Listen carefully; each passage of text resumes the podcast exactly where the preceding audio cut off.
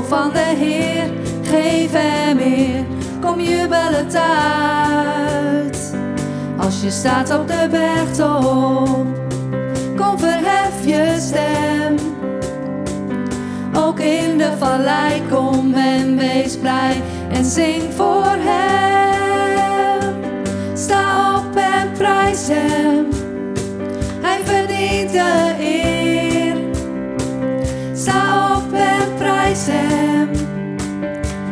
zing voor de hoogste Heer.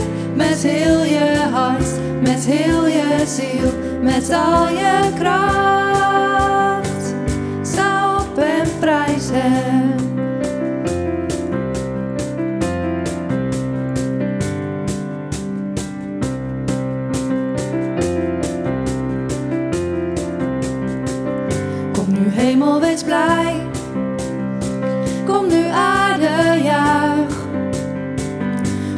Volk van de Heer, geef hem eer. Kom jubelend uit. Als je staat op de bergtop, kom verhef je stem. Ook in de vallei kom en wees blij en zing voor hem. Sta op en prijs hem, hij verdient de eer. Sta prijs hem, zing voor de hoogste Heer. Met heel je hart, met heel je ziel, met al je kracht. Sta op en prijs hem, hij verdient de eer. Sta op en prijs hem. Zing voor de hoogste Heer. Met heel je hart, met heel je ziel, met al je kracht. Sta op en prijs hem.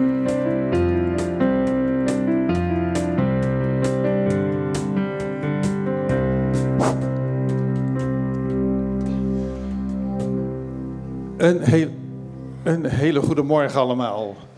Ik zou zeggen, blijf even staan. Blijf even staan. We zeggen niet voor niks, sta op en prijs hem. Hè? Dus eh, in het nieuwe jaar meteen gaan zitten, dat eh, is er niet bij.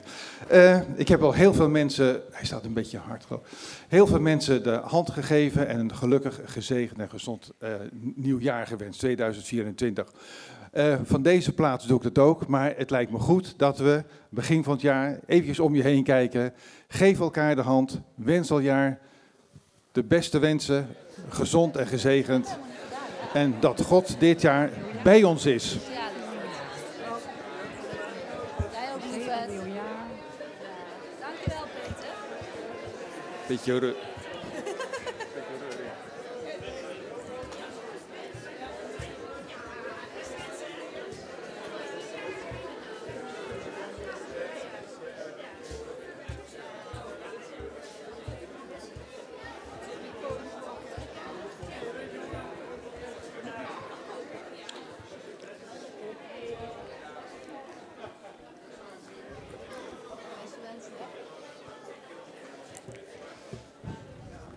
Nou, je mag nu gaan zitten. Nou, ik denk dat je geen mooier welkom op het eerste zondagmorgen van dit jaar kunt hebben. Dus eh, houd het vast voor het hele jaar. Welkom nogmaals. Zijn er mensen in, het, in ons midden die hier voor het eerst zijn? We zijn hier intiem met elkaar. Heel mooi. Ehm, vanmorgen spreekt Ronald. Welkom Ronald, fijn dat je er bent, fijn dat je spreekt. We kijken er echt naar uit wat ons gaat vertellen, wat de Heer in je hart heeft gelegd. Zoals je ziet hebben we morgen, of van, vanmorgen avondmaal. Het is altijd goed om begin van het jaar weer avondmaal met elkaar te vieren. Aanstaande dinsdag is weer de Bijbelschool. Kwart over, ne- kwart over zeven is de inloop. Half acht dan gaan we starten. En dat is hier bovenin in zaal B257, tweede etage, volgt de borden. Kom zoveel mogelijk. Het is eh, 9 januari en 23 januari nog even het vervolg van vorig jaar. Dus wat we vorig jaar niet konden behandelen, dat wordt in deze twee eh, avonden verder eh, behandeld. Vorige week hadden we de getuigenissendienst. Nou, er waren zoveel getuigenissen en men had ook zoveel te vertellen dat er tijd, geen tijd meer over was voor de anderen die zich ook hebben opgegeven. En we hebben nu gezegd dat elke zondag, komende zondagen, kan één iemand een getuigenis geven. En dat zal dan zijn Wim van Eerde. Dus ik denk dat iedereen die nog geen getuigenis heeft kunnen geven, benaderd is om elke zondag even een getuigenis te geven. Zo was het toch, eh, Ronald? Ja. Um, voor de dienst, de bidstond, hadden wij een uh, korte inleiding. En dat ging over Jozua 24, vers 15. En dat is een hele bekende uitspraak van Jozua. Daar staat, maar ik en mijn familie, wij zullen de Heer dienen. En in een andere vertaling staat, maar ik en mijn huis zullen de Heer dienen. En als je even terug gaat in de tijd, uh, Mozes is overleden, Jozua krijgt de taak om het volk over de Jordaan te leiden, of door de Jordaan te leiden, en komen dan in beloofd land Canaan aan. Aan het eind van zijn bediening houdt hij dan namens God daar een toespraak voor de twaalf stammen. En dan vertelt hij daar zo wat de Heer allemaal gedaan heeft, ondanks dat het volk van God toch behoorlijk ongehoorzaam is geweest ten tijde van de woestijn. God niet gediend heeft. En ja, God heeft er toch strijd geleverd, uh, steden veroverd, uh, uh, overwinningen gegeven. maar ondanks dat bleef het volk toch afgoden dienen. En in feite stelt Jozua het volk weer de keus van ga je door zoals jouw grootouders of voorouders dat deden. Of gaan we voor dan om God te vertrouwen als wij in het nieuwe land zijn. En op het eind van zijn toespraak zegt hij, maar wat jullie ook beslissen, ik en mijn familie of mijn huis zullen de Heer blijven dienen. En uiteindelijk zegt het hele volk dat uh, daar amen op. En uh, dat ver, ver, verwacht ik ook, dat verlang ik ook dit jaar, dat wij als wegwijzer, als huis van God, uh, ja, de Heer blijven dienen. Dat we vast kunnen houden aan zijn beloften, de overwinningen die hij gegeven heeft. En als we kijken naar het afgelopen jaar, dan mogen we toch heel dankbaar zijn. Uh, als we kijken naar de Alpha-cursus, hoeveel mensen daar geweest zijn, hoeveel mensen hun hart aan de Heer hebben gegeven.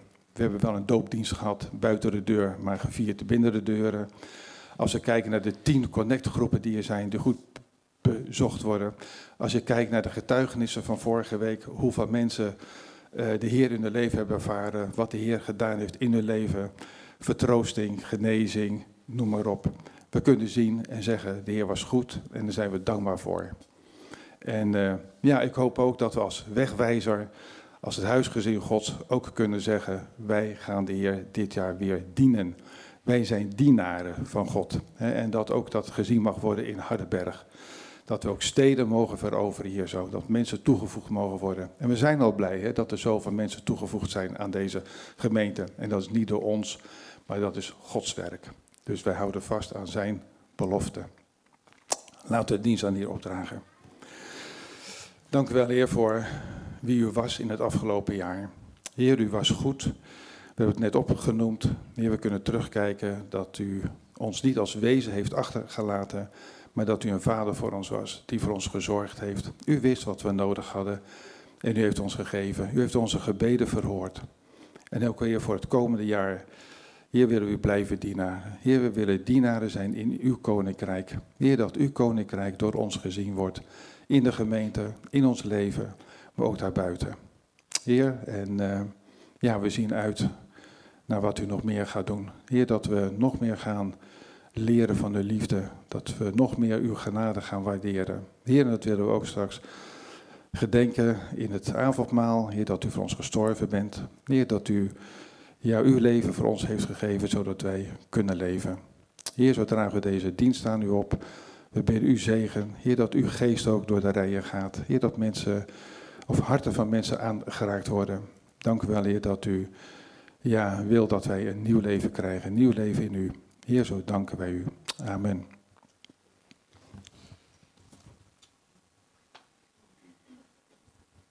Wim van Ere. Wim gaat ons nog het een en ander vertellen van wat de Heer gedaan heeft vorig jaar. Hoi. Ik bedacht net van, uh, ja, waar gaat het over? Hè? Eigenlijk is het van uh, op bergen en in dalen, ja, overal is God. Gaaf, hè? nou, daar gaat het om. Ehm, misschien heb ik al een keer wat verteld hierover, maar dat hoor je dan. In 2022, dat was het jaar dat ik heel veel last had van mijn hart. Heel veel energie. En uh, hartritmestoornis en een gezwel wat later bleek. Ik had grote verwachting voor het avontuur met God. Echt. maar er waren dagen dat ik letterlijk werd stilgezet. Beroerd. En uh, ik wel eens verteld van ik voelde maar een aan die zichzelf voortsleept. Zo, uh, ja, zo weinig energie. dat had ik niet. En uh, dan staat ik prediken 12 vers 5 trouwens. Ik kon er niks aan veranderen, dat moest ik accepteren. En dat ging de ene keer beter dan de andere keer. Ik wist dat God van mij hield. En geloofde dat hij het beste met me voor had. Dat is ook een proces geweest, maar dat geloof ik voor 100% nu. Uh, en alles begrijpen, dat lukte niet. En toen was het in één keer na drie kwart jaar zover dat die operatie wel doorging. En een operatie met een uh, Da Vinci-robot op 2 januari 2023. Dat is een groot verjaardagscadeau. En ik was 1 januari zover. En uh, het was ook nog spannend best. Ook naar een nabloeding. Maar alle wonden zijn nu genezen en het hart eh, pompt weer goed. Dat kun je wel zien. Ik doe fitness. ja. En uh, daar komt bij, ik had God, daarvoor had ik God om 30 jaar extra gevraagd. Waarom 30 jaar? Ik heb 30 jaar God niet zo gekend als nu. oh, dat wil ik zo graag iedereen vertellen, hè? hoe mooi dat is. Die weg naar God, er is niks, echt niks mooiers. Nou, dus ik vertrouw erop dat hij eh, het beste met me voor heeft en op 30 jaar wordt, ik geloof het eigenlijk wel. Dan word ik uh, 95 zoiets. dus ik heb alle reden voor dankbaarheid. In het ziekenhuis is er na de operatie nog iets gebeurd. God liet me zien waar ik heel blij mee ben. Uh, door alle narcose en pijnstilling merkte ik wat los van mezelf te zijn. Ik weet niet of je dat herkent. En ik was meer een toeschouwer van mezelf. Maar het vreemde was dat God ook verder weg voelde. En ik wist dat er heel veel mensen voor me waren, zelfs over de hele wereld. Maar dat was net of er iets tussen zat. En dat was niet fijn. En uh, nou, slapen ging natuurlijk ook niet goed. Maar dat veranderde toen uh, een ziekenhuisverpleger s morgens om vier uur zijn ronde deed. En vroeg of ik nog iets nodig had. En ik kreeg een tabletje voor de pijn en de slaap.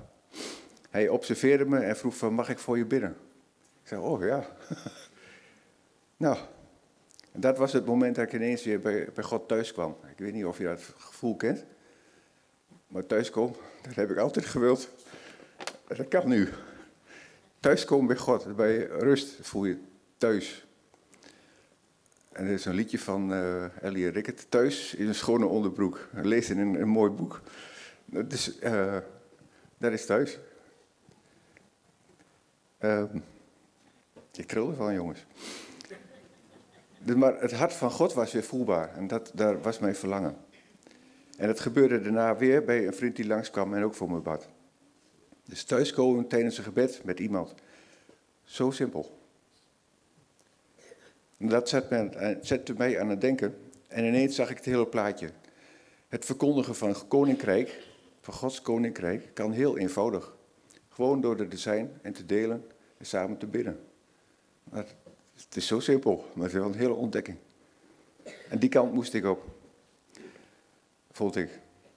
Dat was mijn roeping dit afgelopen jaar voor de familie, voor de verschillende geloofsgenoten, voor mensen die zoeken en voor de Alpha-cursus die uh, toen draaide, 22, 23. En de vraag in mei en juni om gebedsgroep voor de volgende Alpha-cursus op te zetten, sloot er helemaal bij aan. En ook heel bijzonder, God gaf de bidders er op één avond bij. Dat kun je niet voorstellen, hè? Was op een open doors gebedsavond. Titia die, uh, die zei op een gegeven moment, kom eens hier. Dan gingen we samen binnen. Ik zei, oh ja, dat is de groep. Uh, en dat doen we nou bij Kees en Jannie thuis. En ehm, ook gewoon thuis. En Karin doet het bij de voorbereiding voor de aanbidding. En het is een geweldige groep en het is geweldig om te bidden. En uh, Ja, dat is, dat, is, dat is thuis zijn bij God. Dat is thuis zijn. We hebben Gods leiding mogen zien en meemaken. En op veel meer vlakken dan wat ik net vertelde. God die goed doet, vernieuwt, eerlijk is. En het werk dat hij in ons begon nooit loslaat. Er is een Bijbeltekst in Jesaja 52 die me heel erg aanspreekt. Een heel feestelijk verwoord wat er gebeurt als je het goede nieuws deelt. Staat daar, uh, daarom op die dag zal mijn volk mijn naam kennen, beseffen hoe, dat ik het ben die zegt, hier ben ik. Hoe, Mooi hoe welkom is de vreugdebode die over de bergen komt aangesneld, de vrede aankondigt en goed nieuws brengt. Die redding aankondigt en tegen Sion zegt, ja, God is koning. Halleluja, amen.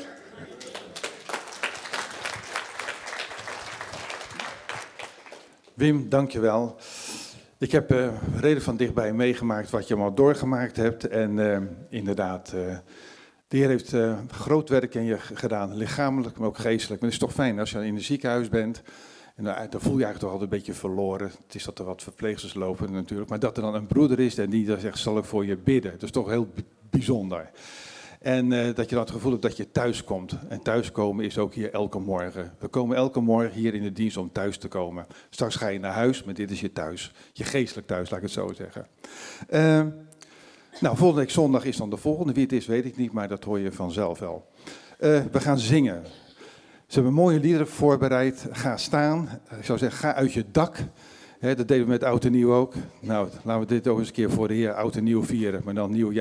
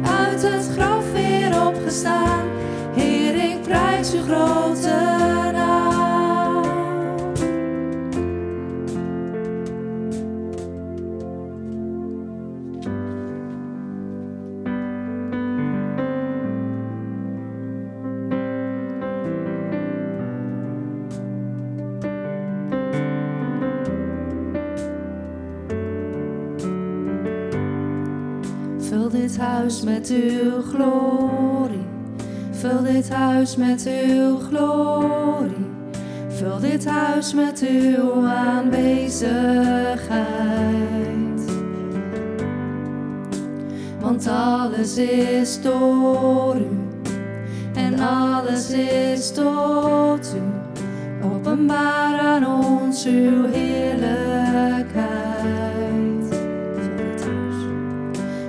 dit huis met uw glorie. Vul dit huis met uw glorie. Vul dit huis met uw aanwezigheid. Want alles is door u en alles is tot u. Openbaar aan ons uw heerlijkheid.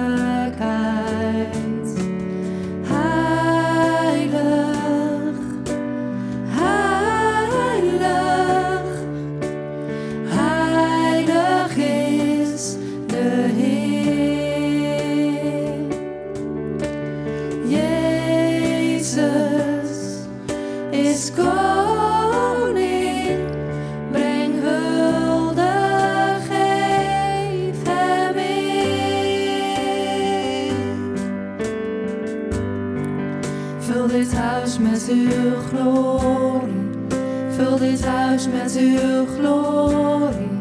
Vul dit huis met uw aanwezigheid. Want alles is door u en alles is tot u. Openbaar aan ons uw Heer.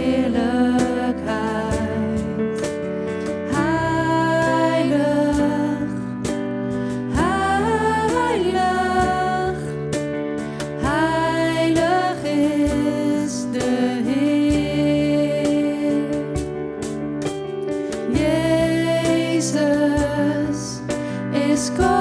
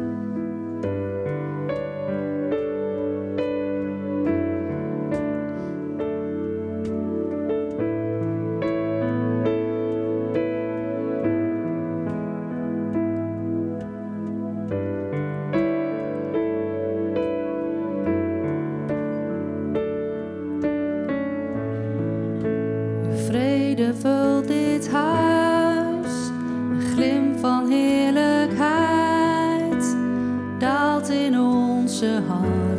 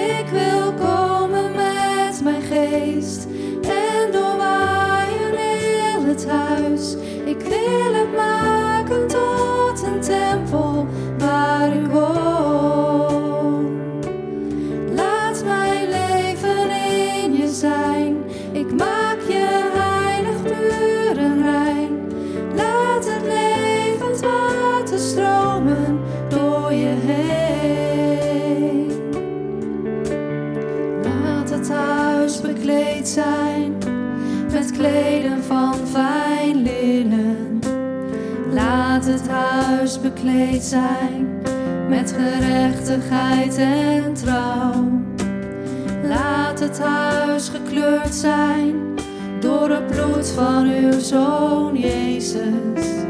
Laat het huis gereinigd zijn en schoon. Want u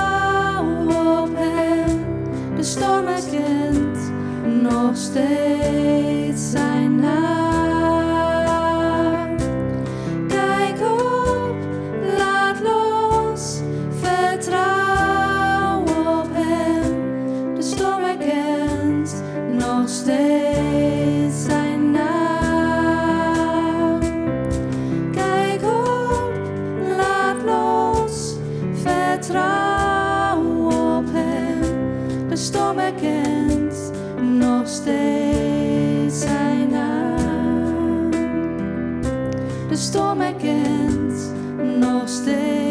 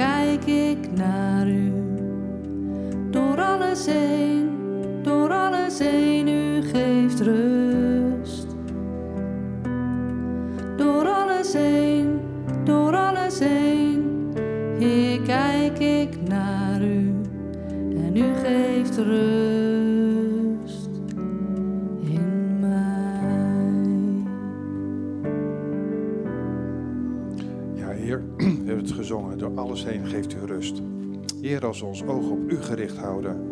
Heer, en eh, ja, de storm die kent ook uw naam. Heer, en u weet, Heer, wat ons bezighoudt. Verdriet, pijn. Heer, waardoor u misschien niet kunnen zien. Heer, maar als we ons oog, ons hart op u blijven richten, dan bent u er altijd. Heer, en zo willen we ook heel bewust in dit lied alles bij u neerleggen wat ons tegenhoudt. Heer, u bent voor ons gestorven aan het kruis. Om ook hierop uw overwinning te geven. Uw rust te geven, uw liefde te geven. Dank u wel, Heer, dat we dat zo uit mogen zingen als een beleidenis naar u toe. Amen.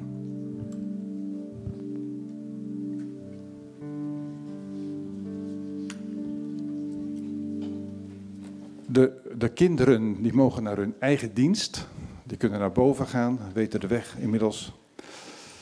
En Ronald, fijn dat je er bent. We zijn heel benieuwd wat je ons gaat vertellen op de eerste zondag. En uh, we gaan voor je bidden. Dank u wel, Heer, dat we, ja, op deze eerste zondag zijn we weer echt benieuwd en verlangend naar wat u tegen ons gaat zeggen. Heer, wat u in het hart van Ronald heeft gelegd. Zo bidden we ook, Heer, om uw geest. Heer, dat u hem ja, de woorden geeft. Dank u wel, Heer, dat we Ronald aan u op mogen dragen. Ik bid ook, Heer, dat we ook gezegend worden door uw woorden. Heer, dat we opgebouwd van hier kunnen gaan. Dank u wel, Heer, dat u zo'n goede God bent. Amen.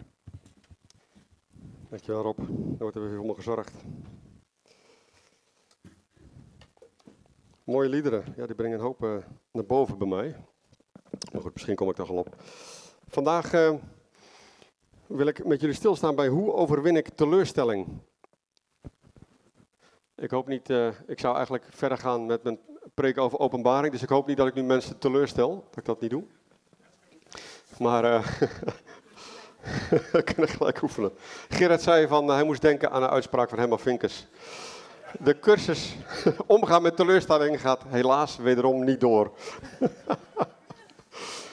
nee, maar um, uh, ik was van de week aan het wandelen met mijn dochter en uh, ze zei van, je zou eens een keer moeten spreken over teleurstelling. En ik had echt zoiets van, nou, ik weet het niet. Maar ik ging erover bidden en het liet me niet los. En ik had echt het idee van, ja, volgens mij is dat iets wat God nu wil brengen op dit moment voor ons als gemeente. En uh, ja, laat ik trouwens beginnen met iedereen natuurlijk van harte Gods zegen toe te wensen met dit nieuwe jaar, 2024.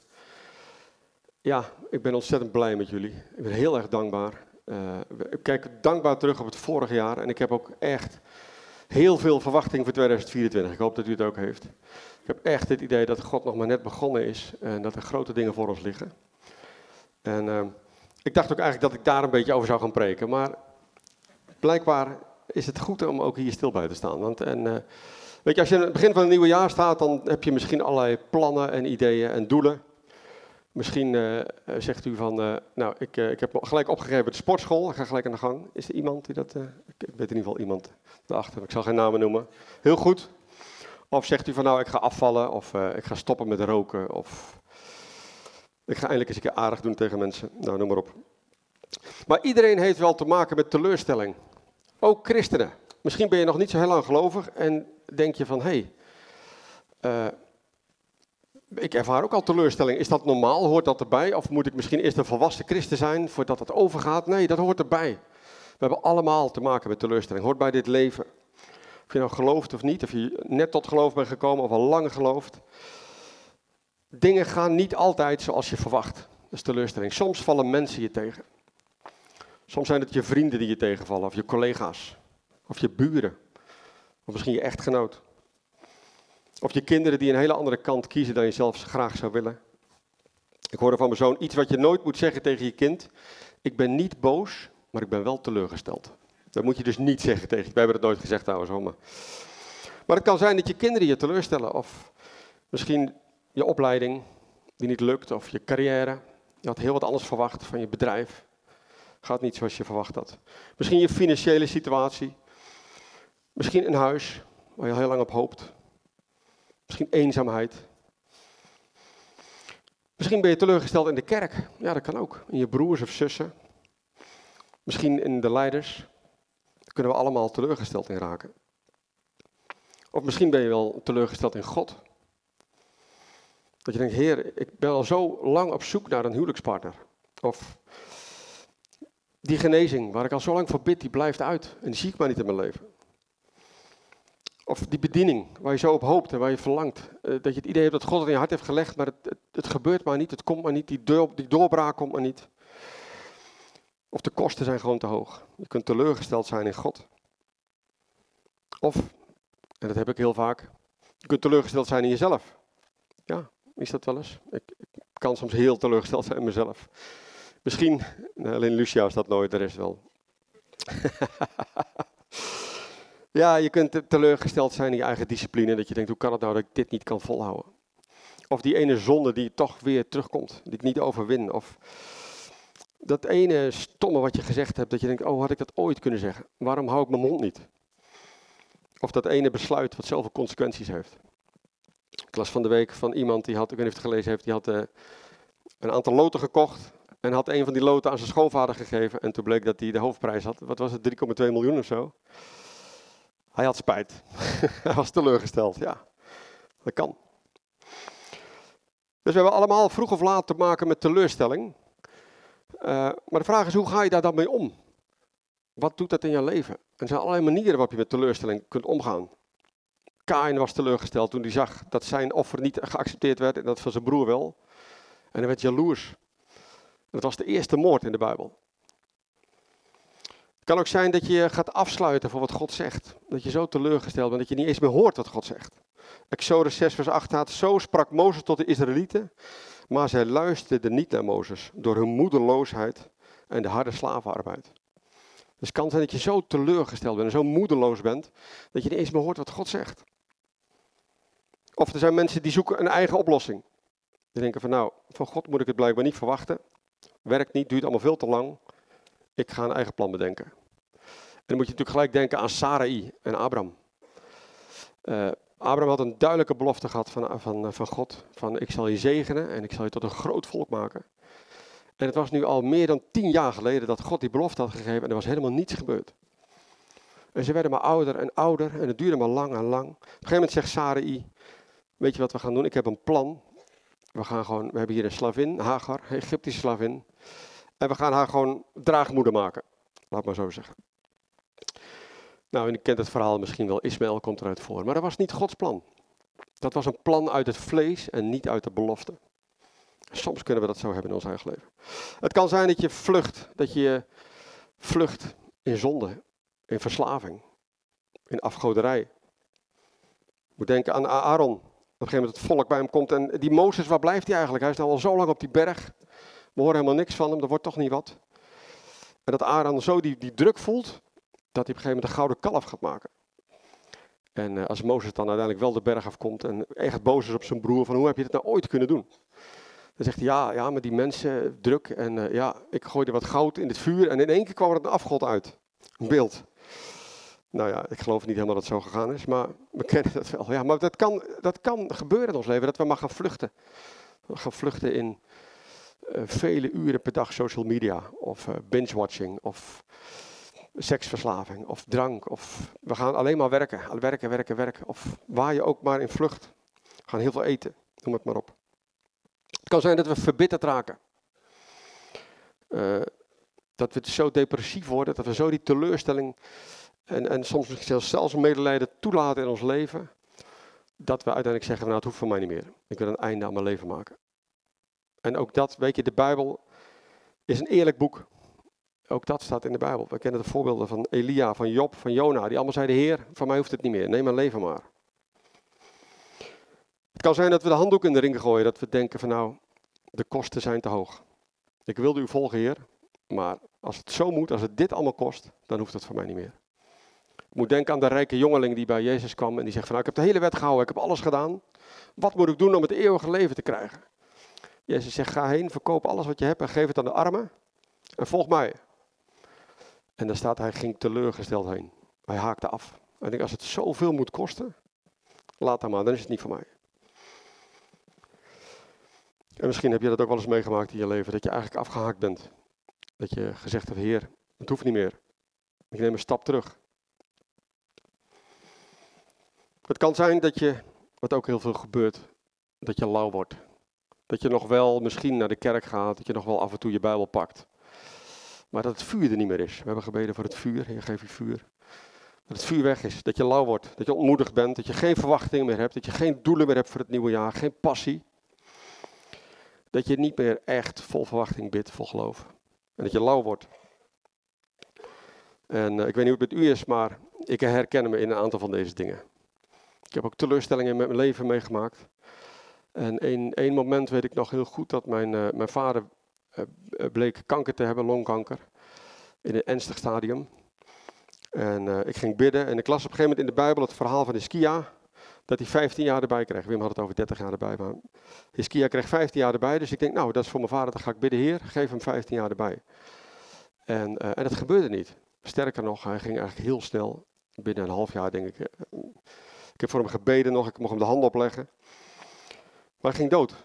En dat, ik, kon dat, ik kon dat niet verwerken, ik begreep het niet. Het, dat, dat, paste niet in mijn beeld van hoe God is. En uh, dat geeft teleurstelling. En dat kan, je, dat kan diep in je werken. Dus teleurstelling kennen we allemaal. Maar wat is dan wel de juiste manier om met teleurstelling om te gaan? Geeft de Bijbel daar misschien ook handvatten voor? Ja, en ik denk dat de Bijbel daar heel, eh, heel veel heel mooie handvatten voor geeft. Mooie richtlijnen. En ik wilde vanavond gewoon, uh, vanochtend gewoon een aantal noemen. Ik zeg niet dat ik compleet ben, maar ik hoop gewoon dat ik een paar hulpmiddelen kan geven om, uh, om om te gaan met teleurstelling. Het eerste punt, als je teleurgesteld bent, is breng het bij God. Ik heb vier punten, ik probeer het in een half uur te doen. Bid voor me dat het lukt. Um, breng het bij God. Weet je, het begint met het erkennen van teleurstelling. Uh, misschien kom je, net als ik, uit een gezinssituatie waar eigenlijk bepaalde gevoelens gewoon niet besproken werden. Dus als je er niet over praat, is het er niet. Ken, kent iemand dat? Uh, zo ben ik een beetje opgevoed met alle goede. Mijn, mijn vader kwam uit uh, de generatie net uit de Tweede Wereldoorlog en dan moest je gewoon vooral hard werken en niet te veel praten en zeuren. Dus dan kun je de neiging hebben als je teleurgesteld bent om het maar weg te stoppen en maar gewoon door te gaan. Maar dat is niet een bijbelse manier. Dat klinkt misschien heel geestelijk. Van joh, ik ga gewoon door, ik blijf vertrouwen. Nee, maar dat is niet goed. Als jij het weg blijft stoppen, als je het ontkent, is ongezond, dan ga je opkroppen. Vroeg of laat komt dat eruit. En vaak op een verkeerde manier. En, uh, en de Bijbel laat ook zien dat dat mag. Je mag je hart uiten bij God. Je mag bij God komen en gewoon je teleurstelling bij God brengen. Uh, en, en, ja, voor sommigen is dat misschien nieuw, maar dat is echt iets heel bijbels. Je mag gewoon je teleurstelling bij God brengen. Ik, uh, misschien denk je wel, als je gaat bidden, ik had dat vroeger wel een beetje, misschien herken je dat wel, dat je denkt, als ik ga bidden, dan moet ik ja, een bepaald gevoel hebben. Weet je? Dan moet ik een bepaalde rust hebben, een bepaalde vrede, een bepaald gevoel hebben van, nou, verwachting, geloof. Hè, ken je dat? Maar dat is helemaal niet bijbels. Ik denk juist dat het heel goed is dat je gewoon luistert van hoe voel ik me op dit moment. Ik voel me gewoon gefrustreerd. Ik snap er gewoon helemaal niks van. Ik ben teleurgesteld. En je mag met dat gevoel bij God komen. En laat dat gevoel uit dat en laat dat je gebed worden. Laat je gebed voortkomen vanuit je gevoel. Ik vond het zo krachtig toen ik dat ontdekte, toen ik dat zag. En, en als je de psalmen leest, dan zie je ook dat David eigenlijk niks anders doet. Hij komt gewoon bij, bij God en zegt, Heer, waarom? Heer, waar bent u? Waarom ervaar ik u niet? Waarom zie ik u niet? Heer, waarom gaat het zo goed met mijn vijanden? Waarom gaat het zo goed met de goddelozen? En ik zie het niet in mijn eigen leven. Waarom? En het, weet je, dat, dat zijn de, geboden, de gebeden die, waar God van houdt. Dat, God kan dat echt wel hebben. Hij kan echt wel tegen een stootje. We hoeven echt niet voorzichtig om te gaan met God, weet je. Je mag met je teleurstelling bij God komen. Een heel mooi voorbeeld, ik heb het al eerder aangehaald uh, vorig jaar, maar ik vind het toch heel mooi, is Hanna, die geen kind kon krijgen. En uh, Penina, de, de andere vrouw van haar man, die was haar steeds aan het treiteren. En ze was, ze was zo teleurgesteld van, heer, waarom krijg ik geen kind? En jaar in, jaar uit gingen ze naar de tabernakel toe, gingen ze offeren, een feest vieren. En ze, was, ze at niet en ze was teleurgesteld. En, maar wat ze op een gegeven moment doet, ze maakt een besluit op een gegeven moment en zegt, ik ga ermee naar de Heer.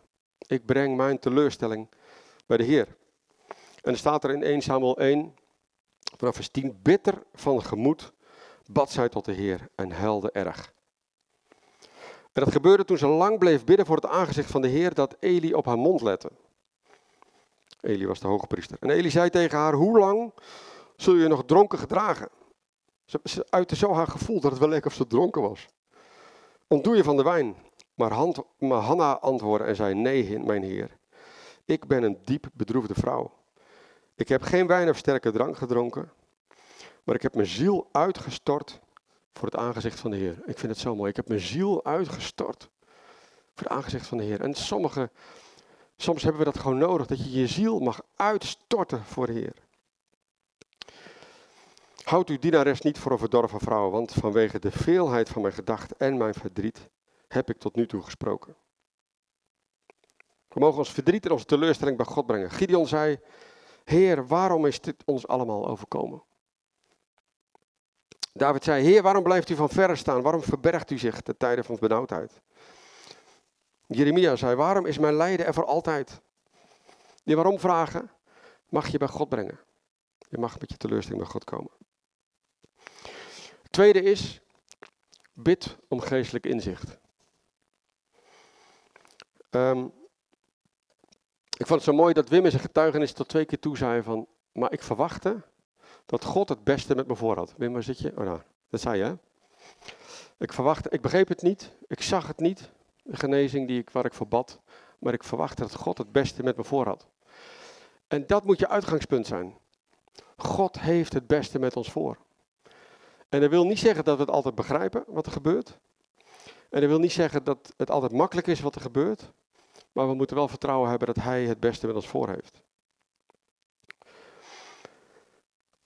En dan is het goed om, om, om naar God te gaan en te zeggen: Heer, wat wilt u met deze situatie? Hoe moet ik hiermee omgaan? Geef me wijsheid. In Jacobus 1, vers 2 tot 5 staat: Acht het enkel vreugde, mijn broeders en zusters, wanneer u in allerlei verzoekingen komt. Want u weet dat de beproeving van uw geloof volharding teweeg brengt. Maar laat die volharding ook volledig mogen doorwerken, opdat u volmaakt bent en geheel oprecht en in niets tekortschiet. En als iemand van u in wijsheid tekortschiet, laat hij dan vragen aan God, die aan ieder overvloedig geeft en geen verwijten maakt. En ze zal hem gegeven worden. Wat is Gods doel uiteindelijk met ons? God heeft een, een hoger doel dan alleen maar ons alles geven wat we willen. Hier staat dat we volmaakt worden. Nou, dan moet je niet denken dat je helemaal perfect zonder zonde wordt, want dat worden we hier op aarde niet. Maar het woord van volmaakt is uh, het woord volwassenheid. Dat we tot volwassenheid komen. God wil dat we groeien in karakter. Dat we niet altijd kinderen blijven. Als je net tot geloof komt, dan ben je eigenlijk een baby en dan heb je andere mensen nodig die je helpen. Dat is heel normaal. Maar het is niet goed als je na 30 jaar christen bent, nog steeds afhankelijk bent van anderen. Op een gegeven moment is het de bedoeling dat we ook groeien in karakter, in volwassenheid. Als jij kinderen hebt en je geeft altijd je kinderen alles wat ze vragen, je geeft ze altijd hun zin, dan worden ze niet volwassen. Dan blijven ze altijd kinderen. Ja, ze worden wel groter en ze worden ouder, maar het worden vaak hele vervelende volwassenen. die heel erg op zichzelf gericht zijn, die altijd gewend zijn om alles te krijgen wat ze. Ze, ze groeien niet in karakter. Soms moet je grenzen aangeven. Ja, deze preek gaat niet over opvoeding, maar misschien heb je er wat aan. Soms moet je grenzen aangeven en soms moet je ze ook helpen om tegen een stootje te kunnen. En God wil dat we volwassen worden, dat we volmaakt worden. Laat je niet ontmoedigen. Dat is eigenlijk hier ook de boodschap. Soms toetst Gods ongeloof. Iemand zei eens, het maakt me niet uit hoe succesvol iemand is, maar wat er voor nodig is om hem te ontmoedigen. Dus het gaat mij er niet om hoe succesvol iemand is, maar wat is er voor nodig om die persoon te ontmoedigen. En ik vond het eigenlijk wel een mooie uitspraak. Wat is er voor nodig om jou te ontmoedigen? Hoe snel laat jij je ontmoedigen? God is niet statistisch, maar God wil dat we groeien. En dan is het goed om naar God te gaan met een eerlijk open hart. Heer, wat, waarom ben ik in deze situatie terechtgekomen? Wat wilt u? En soms, laten we gewoon eerlijk zijn, soms is het gewoon nodig dat je gewoon je zonde beleidt. Soms heb je zelf iets gedaan wat ingaat tegen Gods plan voor je leven, tegen Gods wil voor je leven. Ben je gewoon eigenwijs geweest. En daar moeten we niet moeilijk over doen. Gewoon beleiden. Bij God brengen en hij vergeeft het. Hij is trouw om te vergeven. Als wij beleiden, als we ons bekeren, hij wil het vergeven. Soms heb je een domme fout gemaakt. En moet je het gewoon herstellen. Moet je aan iemand toe gaan en zeggen van, joh, ik heb het niet handig gezegd. Was niet slim van me. Kijk of je het nog kunt corrigeren. Soms kan het ook niet, maar uh, doe wat je kunt doen, voor zover het van jou afhangt. Soms moet je naar anderen toe gaan. Soms moet je anderen vergeven. Ook belangrijk. Blijf niet zitten met bitterheid. Bitterheid maakt je kapot. Uh, iemand niet vergeven, zegt Nicky Gumbel, is net alsof jij een glas vergif opdrinkt en ervan uitgaat dat die ander doodgaat. Vergeven doe je niet in de eerste plaats voor die ander, maar voor jezelf. Hè? Je dat? Vergeving is belangrijk. Travel light, zei iemand. Ik heb uh, in mijn vorige baan veel moeten reizen. Het was één keer een jaar dat ik in twaalf verschillende landen was. En gelukkig hoeft dat nou niet meer zoveel. Maar wat je op een gegeven moment leert als je veel reist, is dat je niet te veel bagage mee moet nemen. Want uh, in het begin neem je zoveel mogelijk mee. Nog een extra paar schoenen, een extra paar dit, een extra paar dat, een extra jas. Je weet nooit, weet je. Maar je loopt met, steeds met die zware bagage te sjouwen en al die tassen en koffers. En uh, in vliegtuigen en taxis en treinen en bussen. En hotel, soms moet je de trap op omdat er geen lift is of weet ik veel, lift kapot is. Of nou, noem maar op. En je leert op een gegeven moment, hoe minder ik, ik meeneem, hoe beter. Ja. En zo is het ook met het geestelijk leven. Laten we niet allerlei bagage meenemen die we niet nodig hebben. Laten we vergeven Laten we vergeving ontvangen. En um, uit genade leven. Travel light. Travel light. Soms moeten we dingen gewoon anders aanpakken. Soms leert God ons gewoon iets, uh, ja, dat dingen niet zo werken. Dat we een ander principe, dat, uh, soms vertrouwen we op onze ervaring. Van ik heb het altijd zo gedaan, dat werkt altijd. Maar zegt God van nee, je moet het net nu aan de andere kant uitwerpen. Uh, en soms zijn het gewoon principes die je leert. En soms is het gewoon vertrouwen op God. Dat je niet leert op je ervaring. Dat je niet vertrouwt op je ervaring. Maar dat je vertrouwt op God en wat Hij zegt. Ik moest denken aan het verhaal van dat Jezus van de berg afkomt van verheerlijking. En dat op een gegeven moment een man bij hem komt en zegt: Mijn zoon is bezeten. En ik ben bij je discipelen geweest. Maar zij konden hem niet genezen. En dan uh, geneest uh, Jezus die man wel. Hij drijft de demonen uit. En dan komen, later komen de discipelen bij hem en die vragen, Heer, waarom konden wij hem niet genezen? Een hele goede vraag. Hè? Het is ook goed om af en toe naar God te gaan. Heer, waarom is mijn gebed niet verhoord? En dan legt Jezus het uit dat het met geloof te maken heeft. En dan zegt hij, dit soort gaat niet uit dan door bidden en vasten. En dan moet je realiseren dat die discipelen dus al allerlei dingen meegemaakt hebben. Ze hebben Jezus natuurlijk heel veel wonderen zien doen. Er was niemand die bij Jezus kwam die niet genezen werd of van demonen bevrijd. Op een gegeven moment werden zelfs de 70 uitgezonden, twee aan twee. En hebben ze zelf demonen uitgedreven. Ze hadden echt ervaring. Weet je, het is niet echt dat dit de eerste keer was. Ze hadden gewoon gezien dat mensen bevrijd werden en genezen werden. En nu gebeurt het niet. En Jezus laat hier zien, ja, het gaat niet altijd op dezelfde manier. Soms is er meer gebed nodig, soms is er meer vasten nodig, soms is er meer wachten op God nodig, zodat je geloof kan toenemen. Uh, dat zei hij trouwens niet tegen de vader of tegen de jongen, hè? dat zei hij tegen de discipelen. Ja. Dus soms moeten we inzicht krijgen omdat iets op een net iets andere manier gaat. Um, het verhaal van Job moest ik aan denken. Als iemand veel teleurstelling heeft gekregen in zijn leven, was het Job. Heel erg heftig. Wat hem is overkomen, ik denk dat we het verhaal allemaal wel kennen. En uh, ja, ik, ik vond het altijd een beetje een lastig boek, moet ik eerlijk zeggen. Uh, ik vond het, het eerste hoofdstuk en het laatste hoofdstuk, dat is dan mooi, dat God hem weer herstelt. En nou, daartussenin allemaal beproevingen enzovoort. Maar uh, een, een, tijdje geleden las ik een boek van Andrew Murray. En dat boek is meer dan 100 jaar oud. Het is 100 jaar geleden geschreven. En dat gaf me eigenlijk een nieuw inzicht in het boek Job. Uh, wat we allemaal wel weten is denk ik, Job wordt op een gegeven moment ernstig ziek. En uh, zijn kinderen worden van hem afgenomen en zijn bezittingen worden van hem afgenomen. En uh, wat ook duidelijk is, dat achter deze verzoeking, achter deze ziekte en deze ellende zit de duivel.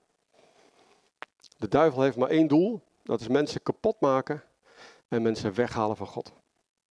Dat is goed om dat te realiseren, dat is het doel van de duivel. Dat wil hij. Maar de duivel kan niets doen zonder toestemming van God. En God had ook een doel met deze situatie. God laat het toe, omdat Hij wil dat wij groeien in volwassenheid. God had het doel om, uh, om, om, om Job meer te laten lijken op Hem. Om te laten groeien in karakter, in geloof. En, en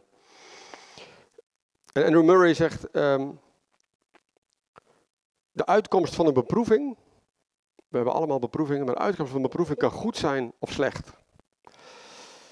En wat bepaalt de uitkomst van die beproeving? Dat is wie laten wij overwinnen in de situatie? Is het de Satan of is het God? Laten we Satans doel prevaleren in de, in de verzoeking of laten we Gods doel uitkomen in de verzoeking? En dat hangt uiteindelijk af van hoe wij ermee omgaan. Nou, wat gebeurt er in het leven van Job? We kennen het verhaal allemaal. Er komen op een gegeven moment uh, drie vrienden, Elifas, Bildad en Sofar. En eigenlijk zeggen we Job, ze zeggen tegen hem, Job, dat is allemaal je eigen schuld. Je zult wel een grote zonde in je leven hebben dat het allemaal gebeurd is. Nou, dat blijkt natuurlijk absoluut niet zo te zijn. En God vermaant ze daar ook over. Hij zegt van, dat klopt niet, je hebt verkeerd over mij gesproken. Foute aanname. Uh, dat mogen we nooit doen. We mogen nooit aan mensen zeggen van, nou, dat je zo ziek bent, dat komt door jezelf. Dat is niet aan ons. Maar wat er aan een gegeven moment gebeurt, is, uh, want er staat ook, Job was een, uh, was een, een, een, geestelijk man, weet je wel. Hij was, hij was goed, hij, was, hij probeerde heilig te leven. Hij zorgde goed voor andere mensen. Hij probeerde zuiver te leven, hij bad voor zijn kinderen. Dus ja, niks mis met Job als je naar zijn leven kijkt. Uh, en Job doet ook het eerste punt wat we net zeiden. Hij gaat naar God, hij stort zijn hart uit voor God. Allemaal goed, weet je, doet hij prima. Maar op een gegeven moment gaat Job te ver. Nooit zo gelezen, maar op een gegeven moment gaat Job te ver. In zijn verdediging gaat hij zichzelf rechtvaardigen. Hij kijkt naar zijn eigen gerechtigheid, in plaats van dat hij zich vernedert voor God. En uh, ik zal het onderbouwen met een paar teksten. Er zijn heel veel teksten die. Uh... Want wat gebeurt er namelijk op een gegeven moment? Misschien dacht je altijd, er waren drie vrienden waar je op mee sprak, maar er was nog een vierde vriend. Wie weet hoe die vierde vriend heet? Oh, je ziet het al. Elihu. En die heeft de hele tijd zijn mond gehouden. Dat was namelijk een jonge man. En die denkt, nou laat ik de oude mensen eerst spreken. Hij had respect voor, voor ouderdom, dat is altijd goed. Goed om dat te hebben. Maar hij zegt, ik wil ook wat zeggen. Want uh, ik ben nou misschien wel jong in jaren, maar ik geloof wel dat de geest van God uh, mij wijsheid geeft en mij wat wil zeggen. En dan staat er echter, toen ontstak de woede van Elihu, de zoon van Baracheel, de Buziet, uit het geslacht van Ram tegen Job, ontstak zijn woede. Omdat hij zichzelf rechtvaardigde tegenover God. Waarom heb je hem, waarom heb je God ter verantwoording geroepen? Job was op een gegeven moment zo ver gegaan dat hij God op het matje ging roepen. Dat hij zegt, hoe kan het Heer, ik ben zonder zonde, hoe kan het toch, toch dat dit mij allemaal overkomt? En de Heer zegt eigenlijk hetzelfde. Uh, laat zien dat Elihu gelijk heeft. De Heer antwoordde Job en zei, zal hij die een rechtszaak voert met de Almachtige hem onderwijzen? Laat hij die God ter verantwoording roept, daarop antwoorden. God zegt ook, wilt u mijn recht vernietigen?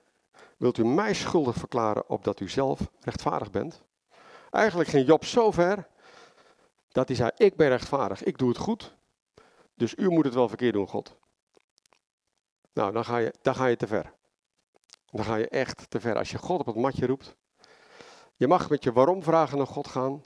Je mag zeggen, Heer, ik begrijp het niet.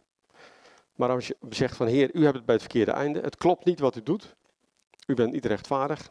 Ik ben beter dan u. Dan ga je te ver. En dan gebeurt er wat moois. Dan laat God zichzelf zien. Dan openbaart God zichzelf. En dan laat hij zien hoe geweldig groot hij is in de natuur. Uh, en dan is de reactie van Job ook mooi. Want Job gaat het inzien. Hij ziet, ja, ik ben in taat te ver gegaan. Hij verontmoedigt zichzelf. En dan staat, hij deed berouw in stof en as. Alleen door het horen van het oor had ik van u gehoord, maar nu heeft mijn oog u gezien. Daarom veracht ik mezelf. En ik heb berouw in stof en as. Dus uiteindelijk brengt deze hele ellende, deze hele beproeving en deze hele ziekte een diepe zegen bij Job. Job gaat God op een nieuwe manier zien. Job krijgt een nieuwe openbaring van God. En hij krijgt een nieuwe openbaring van zichzelf. Hij dacht dat hij het eigenlijk best wel goed voor elkaar had. Hij dacht dat hij volmaakt was. Maar God laat hem zien hoe hij echt is. En uh, ja, ik geloof dat God uiteindelijk met elke beproeving een doel heeft. Hij heeft het beste met je voor. En dat wil niet zeggen dat je het altijd begrijpt. Soms is het ook nodig dat we het niet begrijpen. Als je begrijpt wat ik bedoel. Als we alles zouden begrijpen van tevoren, dan zou de beproeving misschien anders zijn. Maar God wil het gebruiken. Nou, dan wil ik afronden met de laatste twee punten. Uh, wat is er nog meer nodig om goed om te gaan met de beproeving? Dus bij God brengen, je hart uitstorten voor Hem. Geestelijk inzicht zoeken van Heer, moet ik iets veranderen? Wilt u me iets leren? Maar ook omring je met positieve christenen. Dat is denk ik heel belangrijk. Je hebt mensen nodig die je supporten, die je kunnen bemoedigen, die je wijsheid geven. Je kunt niet zonder kerk, juist in een tijd van beproeving, Juist in de tijd van teleurstelling heb je misschien heel erg de neiging om te zeggen van nou, ik ga niet meer naar de kerk. Ik ga niet meer naar de connectgroep. Ik ga zeker niet meer om met die christenen die mij pijn hebben gedaan. Die me teleurgesteld hebben. Maar de Bijbel laat zien, nee, je hebt het juist nodig. Je hebt het juist nodig. Als je tank bijna leeg is in de auto, dan ga je niet zeggen van nou, ik ga niet naar het tankstation toe, want de tank raakt toch steeds leeg, toch? Nee. Dan ga je toch juist naar het tankstation toe om weer vervuld te worden. En zo hebben wij het ook nodig om naar de kerk. We hebben elkaar gewoon nodig. Ik heb jullie nodig. Vanmorgen hebben mensen voor mij gebeden. Dat heb ik nodig, weet je. We hebben elkaar nodig. Laat je bemoedigen. En bemoedig anderen. We hebben Barnabas nodig. Barnabas betekent zoon van bemoediging. Barnabas was een bemoediger. Het was heel mooi dat Paulus hem op zijn team meenam. Want we hebben bemoediging nodig. We hebben mensen nodig die ons hart onder de riem steken af en toe. En bemoediging is niet alleen, dat is ook nodig. Hè? Gewoon af en toe even een klopje op de schouder. Of even zeggen van joh, fijn dat je er bent. Of even, weet je, ik bid voor je. Dat is ook bemoediging. Maar bemoediging is niet alleen iets aardigs zeggen tegen elkaar, maar het is ook iets bovennatuurlijks. Ik geloof dat God bepaalde mensen ook een specifieke gave heeft gegeven van bemoediging. En zet die gave alsjeblieft in. Misschien denk je dat is niet zo'n belangrijke gave, maar dat is een essentiële gave. Die hebben we echt nodig. Gave van bemoediging. Er zijn niet bannerbassen deze ochtend. En ik wil je echt zeggen, zet je gave in. Zet je gave in. En ik wil even teruggaan naar Hanna. Want er is iets wat mij aansprak toen ik het weer opnieuw las. We lazen dat Anna haar hart uitstortte voor God in de tempel en het Eli eerst dacht dat zij uh, dronken was. Maar als ze alles verteld heeft, dan staat er in 1 Samuel 1 vers 17, toen antwoordde Eli en zei, ga in vrede. En de God van Israël zal u geven wat u van hem gebeden hebt. Dus Eli zegt, God gaat je geven wat je gebeden hebt. En ik geloof dat hij dat van God had gekregen. Ik geloof dat het een woord van kennis was. Dat de geest in zijn hart legde. Ik ga het gebed van deze vrouw verhoren. En wat gebeurt er dan? Dan gebeurt er iets bijzonders bij Hanna. Ik weet niet of het ooit opgevallen is. Maar er verandert iets in Hanna. En ik moet zo denken aan het getuigenis van vorige week van, van Anneke. Dat ze in één keer zei van, er werd voor me gebeden, ineens kreeg ik geloof. Gebeurt, soms kan er gebeuren dat iemand voor je bidt, een woord over je uitspreekt. En in één keer gebeurt er wat. Er verandert wat in je. En dat gebeurde ook met Hanna. Ze zei, laat uw dienares genade vinden in uw ogen. Vervolgens ging Hanna haar weegs. Ze at weer en haar gezicht stond bij haar niet meer als voorheen. Dus haar gezicht stond niet meer bedroefd, maar er was iets te zien in haar gezicht. En ik denk dat dat geloof is. Ik denk dat er geloof in haar gezicht was gekomen en in haar hart. En ik geloof dat we het nodig hebben. De gave van de geest is niet alleen maar een leuke extra, maar dat hebben we nodig als gemeente. Om bemoediging te ontvangen. Uh, er staat um, dat we allemaal kunnen profiteren, zodat we allemaal kunnen leren en bemoedigd worden. Dus profetie, woorden van kennis. De gave van bemoediging is nodig om anderen te bemoedigen, om teleurstelling te, te overkomen. En tenslotte geef niet op. Nou, daar ga ik niet te lang bij stilstaan. We moeten soms, gewoon, soms moeten we gewoon doorgaan. Soms moeten we gewoon volharden. Soms moeten we gewoon blijven bidden. Kent de gelijkenis misschien wel van de arme weduwe en de onrechtvaardige rechter. Ze, moest blijven, blijven bidden. Ze moest blijven gaan naar die rechter. Soms moeten we niet opgeven. Uh, Paulus bad drie keer. Soms als wij één keer gebeden hebben, dan geven we het al op. Paulus bad drie keer, totdat hij duidelijk kreeg van, hé, hey, deze doorn in het vlees, weet niet wat het was, dat had een doorn in het vlees, ik moet hem accepteren. Maar dat heb ik nodig, zodat ik afhankelijk blijf van de genade van God.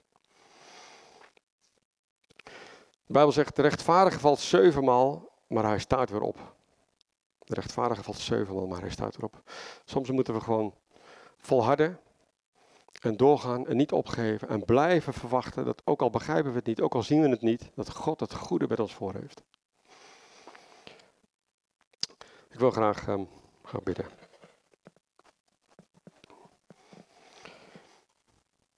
Ja, vader, ik, uh, ik wil u danken dat u een goede God bent. Ik wil u danken, Heer, dat we mogen weten dat u altijd het beste met ons voor heeft. Ik wil u danken dat u daarna verlangt dat we groeien in karakter. Uh, dat we meer en meer op u gaan lijken. En dat u daarom soms teleurstellingen toelaat in ons leven. Maar Heer, zoals we hier zitten ook vanochtend, willen we uh, bij u komen. U kent ons hart. U weet wat we meegemaakt hebben. U kent onze teleurstellingen. Mensen hier deze ochtend, weet ik zeker, die midden in zo'n teleurstelling zitten. En die echt zoiets hebben van waarom? Waarom is mij dit overkomen? Waarom moet ik dit meemaken? Waarom lijkt het dat anderen ook een mooie getuigenis hebben, maar waarom zie ik het niet in mijn leven? Waarom heeft die broer of die zus mij zo'n pijn gedaan?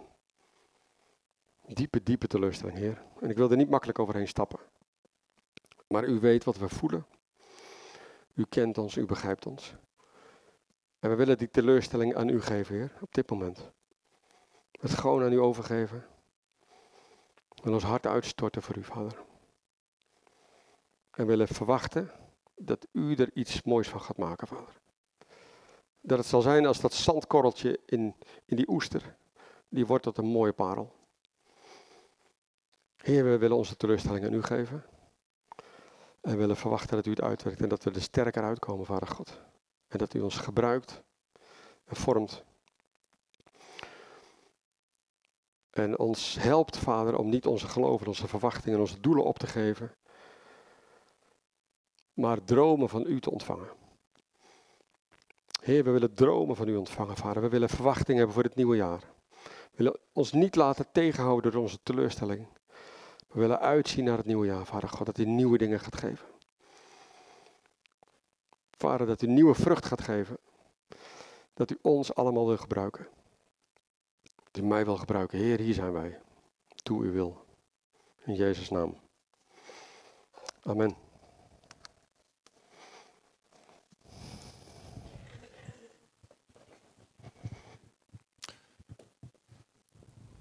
Ronald, dankjewel. Bekend, uh, bekende uitspraak is, na regen komt zonneschijn.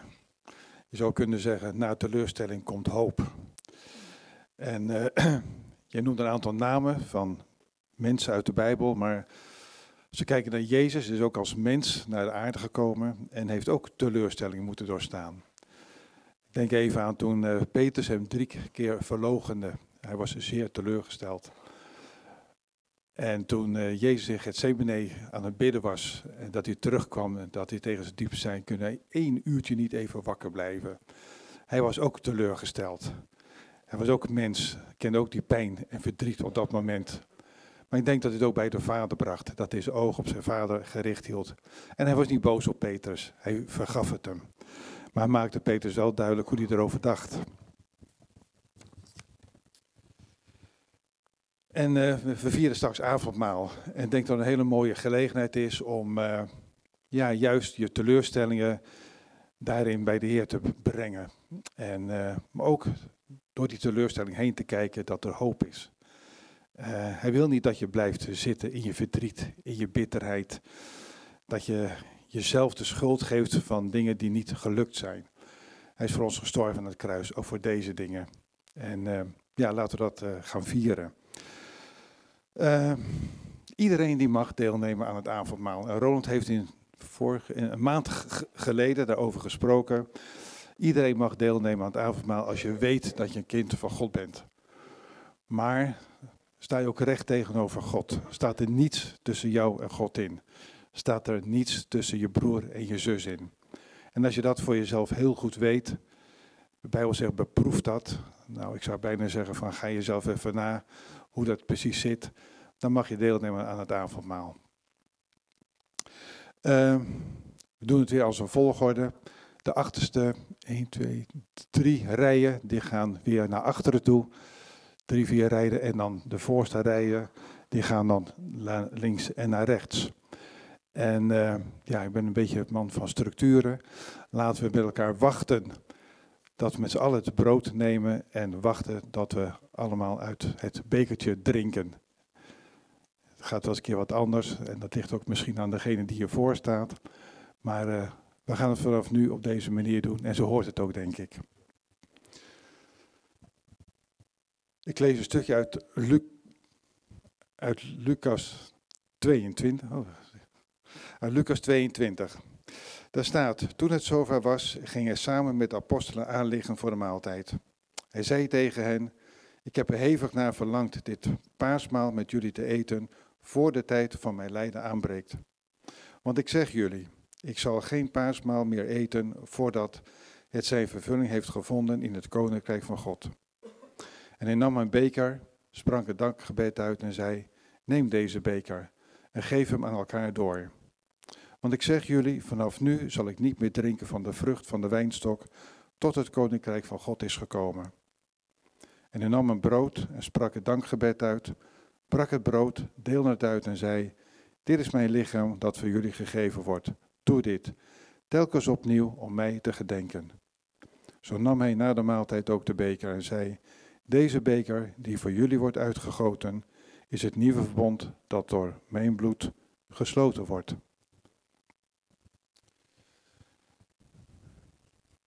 Dank u wel, Heer, dat we bij dit avondmaal mogen gedenken dat u voor ons aan het kruis bent gegaan.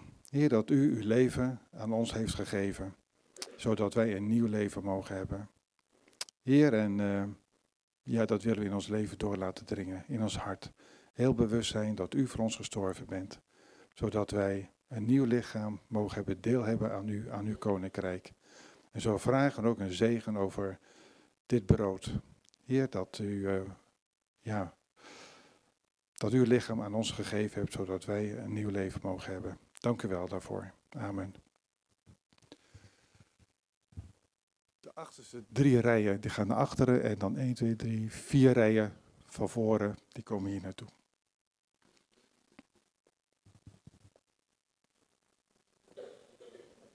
Links en rechts.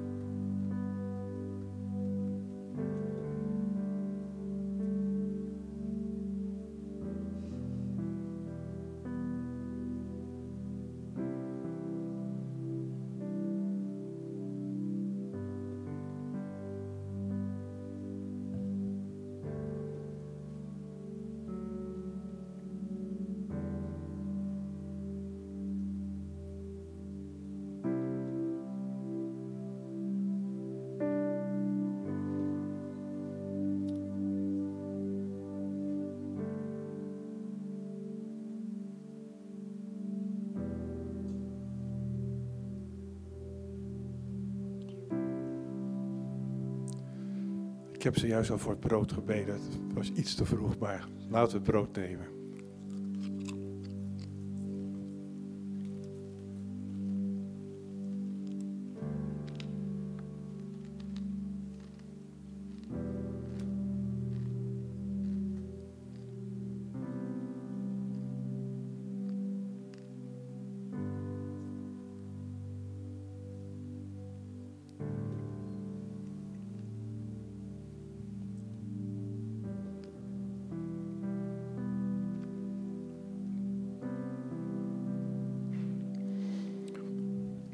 Wel, Heer, dat u ook uw bloed voor ons vergoten heeft. Heer, uw bloed reinigt ons van alle zonde. Dank u wel, Heer, dat we dat zo mogen gedenken. Heer, en ook als we de teleurstelling in ons leven hebben, dan bent u ook daarvoor gestorven. Dank u wel, Heer, dat we ja, dit weer mogen gedenken. Heer, dat we dat altijd, het avondmaal mogen vieren totdat u komt. En gedenken dat u voor ons gestorven bent. Heer, dat we aangesloten mogen zijn de bron van het leven, dat u voor ons bent.